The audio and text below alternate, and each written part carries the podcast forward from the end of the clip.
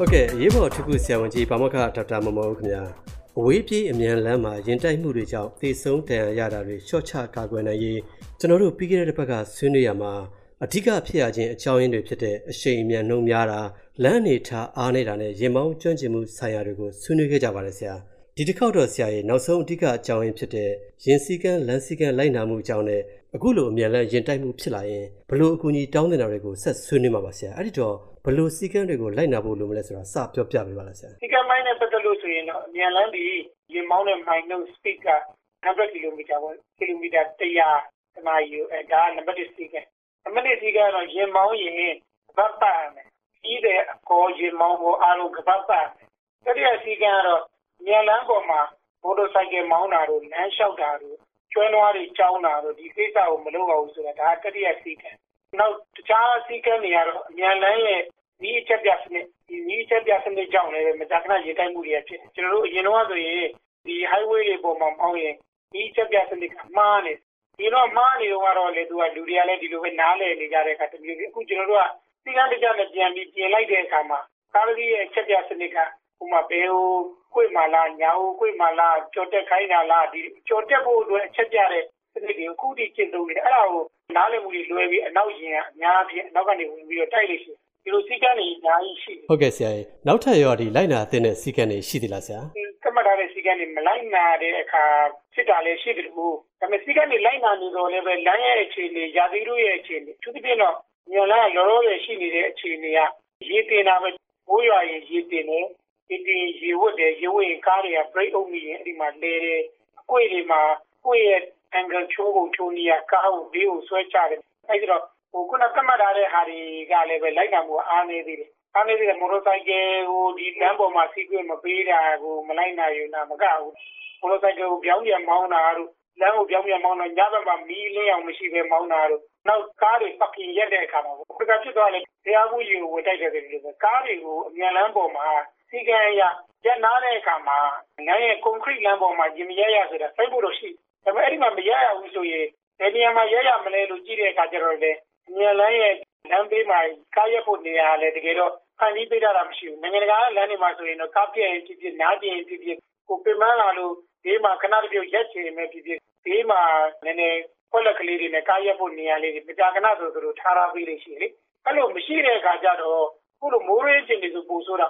လမ်းဘေးကိုဆင်းတာနဲ့ညထဲမှာရွှေ့နေဆိုရင် slip ဖြစ် slip ပြီးတော့ကားတွေအများအပြားအဲ့ concrete လမ်းပေါ်မှာအခုဟိုတကဖြစ်သွားတယ်ဒီလိုပဲလမ်းပေါ်မှာကားတစ်စီးတစ်ပိုင်းရက်တယ်လူတွေကဆင်းတဲ့အခါမှာဘေးမှာရေတွေမျက်တွေရှိတယ်မစင်ဘူးကားလမ်းပေါ်ဝဲနေဒီလိုချင်းမျိုးရရှိဒီကံကိုလိုက်နာဖို့ကျွန်တော်တို့တင်ပေးနေတော့အဲ့ဒီကနဲ့သက်ဆိုင်တဲ့တခြားတွေလက်ခံနေသားပြီးလို့အဲ့လိုကျွန်တော်ယူဆတယ်ဟုတ်ကဲ့ဆရာကြီးအဲ့ဒီတော့အခုလိုဒီလိုက်နာတဲ့စီကံတွေကိုလိုက်နာနိုင်ဖို့ဆရာနော်နောက်ထပ်ဘလို့ချက်လက်တွေလွတ်ဆောင်ပေးဖို့လိုမလဲဆရာကြီးတကယ်တော့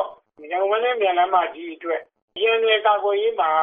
international ကသိမှတ်ပြုထားတဲ့ကာကွယ်နည်းကတော့ E ရရှိတယ်အင်္ဂလိပ်အကျ E နဲ့နံပါတ်1ကတော့ကျွန်တော်တို့ရဲ့ education ပါ education ဆိုတာကတော့ပြည်သူတွေကိုဒါပညာပေးရမယ်ဒီမောင်းတဲ့အခါမှာစီကိုရှော့ရမယ်ကမ္ဘာကဒီလိုသဘောမျိုးပညာပေးတဲ့နည်းတွေလည်းရှင်းသုံးဖို့တော့လိုတယ်နံပါတ်2ကတော့ enforcement ဒီ highway ပေါ်မှာရှိနေတဲ့အမြန်လမ်းပေါ်ရဲ့ဒီလိုရဲတပ်ဖွဲ့ရဲ့ ဒီရင်စည်းကမ်းလမ်းစည်းကမ်းတွေနဲ့ပတ်သက်တဲ့ဟာကိုကျွန်တော်တို့ပြပြစည်းစည်းနဲ့လုပ်ဖို့ကိစ္စတခုလိုတယ်နံပါတ်3ကတော့ engineering ခေါ်တဲ့ဒီ line ရဲ့ road design တွေပြင်သစ်တဲ့နေရာတွေကိုပြင်သစ်တာမျိုးကျွန်တော်တို့ကရှိတယ်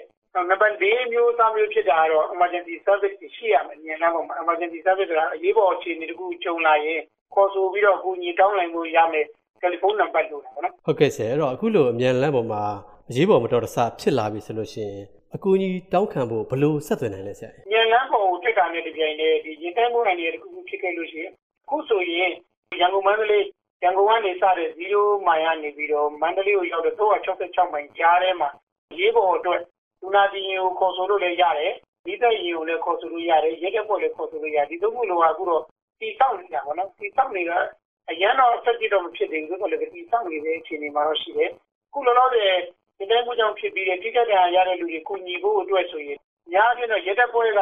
အရင်ရောက်နေရှိတယ်ပြီးရင်ရဲတပ်ဖွဲ့ရတဲ့ဆင့်တော်၎င်းကိုကလမ်းမှာဒီရော accident ဖြစ်လို့ရောကိုယ့်ရဲ့ကားကိုလည်း accident ဖြစ်တော့ခေါ်ကြည့်ရင်တော့လောလောဆယ် hotline number လေးပဲကျွန်တော်မြန်လမ်းပေါ်မှာရှိမြန်လမ်းပေါ်မှာ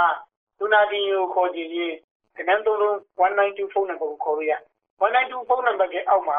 လူနာတင်အတွက်ရေးပေါ်ကယ်ဆယ်ပြီးတော့မိသားရဆေးကိုပို့ပေးတဲ့ ambulance က ကျမကြီးသားသားဝန်ကြီးဌာနကနေပြီး ambulance ဆက်စီရဲတပ်ဖွဲ့မှာ ambulance 10စီးနဲ့မြန်မာနိုင်ငံချက်ချင်းဒီအစီအစဉ်ကနေ ambulance 4စီးရှိတယ်အလုံး ambulance 25စီးဒီဒီအမြန်လမ်းပေါ်မှာရှိနေတာပေါ့နော်ဒါပေမဲ့အများအပြားတော့ဒီဖုန်းနံပါတ်တွေကိုခေါ်ဆိုဖို့အတွက်ဒီလိုလူတို့ကမသိသေးဘူးနောက်ဒီနေ့ပတ်သက်တဲ့အန်ဒီရဲ့တခုခုရင်ကျက်တာဆက်ပြက်တာဒါမှမဟုတ်လည်းတခုခုကြောင့်ဖြစ်ရင်လည်းပဲမိသက်ဌာနကလည်းပဲလာတယ်မိသက်ဌာနရဲ့မြန်လမ်းပေါ်မှာခေါ်လို့ရတဲ့နံပါတ်က191နောက်တနေ့ရေဘော်ကိစ္စတွေအားလုံးဂျားတွေကနေပြီးတော့ call center ဖြစ်လို့ပြတဲ့1880 ဒီနံပါတ်၃မျိုးကခေါ်လို့ရပါတော့ခေါ်ဆိုတာနဲ့ကျွန်တော်ရဲ့ဒီလူနာဒီနေရောပါတွေရဲ့ဖြန့်ဖြူးထားမှုကမိုင်40ကျမှစကန်တစ်ခုစီရှိတဲ့အတွက်ကြောင့်15မိနစ်မှမိနစ်20အတွင်းလူနာဒီနဲ့ရဲတပ်ဖွဲ့ရဲ့အကူအညီချက်ချင်းရနိုင်တဲ့အခြေအနေမှာရှိတယ်ဟုတ်ကဲ့ဆရာအဲ့တော့အခုလိုဒီအမြန်လမ်းပေါ်မှာမတော်တဆဖြစ်ပြီးတော့တည်ဆုံမှုနဲ့ပတ်သက်ပြီးကျွန်တော်မမေးမိတဲ့တခြားအရေးကြီးတဲ့ချက်ကောညာအဖြစ်တော့ပြည်သူလူထုကမြန်လန်းရဲ့ engineer design ကိုပြစ်တင်တယ်တကယ်တော့လည်းသုတေသနတွေလုပ်ကြည့်တဲ့အခါမှာ ဒီ engineer design ရောက်ဖြစ်တဲ့နေရာတွေရှိနေတာတော့မမှန်ဘူးကိုမှန်ပါတယ်သို့တော်လည်းပဲပြင်မောင်းတွေရဲ့ပြုမှုပုံကြောင့်ရဲ့ဒီရာသီဥတုအခြေအနေကြောင့်ရဲ့နောက်များပြင်းဖြစ်ဖြစ်တာရှိတာကဘေးကရွရွလူတို့ရဲ့အမြန်လန်းဥပဒေကိုလိုက်နာမှုအနေနေတာ။ဆိုင်ကယ်တွေဖြတ်မောင်းတာတို့အထူးသဖြင့်တော့ညအခြေအနေမှာဆိုရင်အမြန်လန်းကမီးအလင်းရောင်အားလည်းအရင်နေတော့ဒါတွေကဖြစ်ဖြစ်ရအောင်မဲ့ဟာတွေဖြစ်တာပေါ့။အားလုံးခြုံပြောရင်တော့ရန်ကုန်မန္တလေးအမြန်လန်းမှာရန်နေရှင်းရှင်းရေးအတွက် အားလုံးကသိပညာရှိပြီးစင်စင်ချင်းချင်းနဲ့ဥပဒေကိုလိုက်နာရင်တော့ပိုအဆင်ပြေမယ်လို့ယူဆဟုတ်ကဲ့ကျေးဇူးအများကြီးတင်ပါတယ်ဆရာ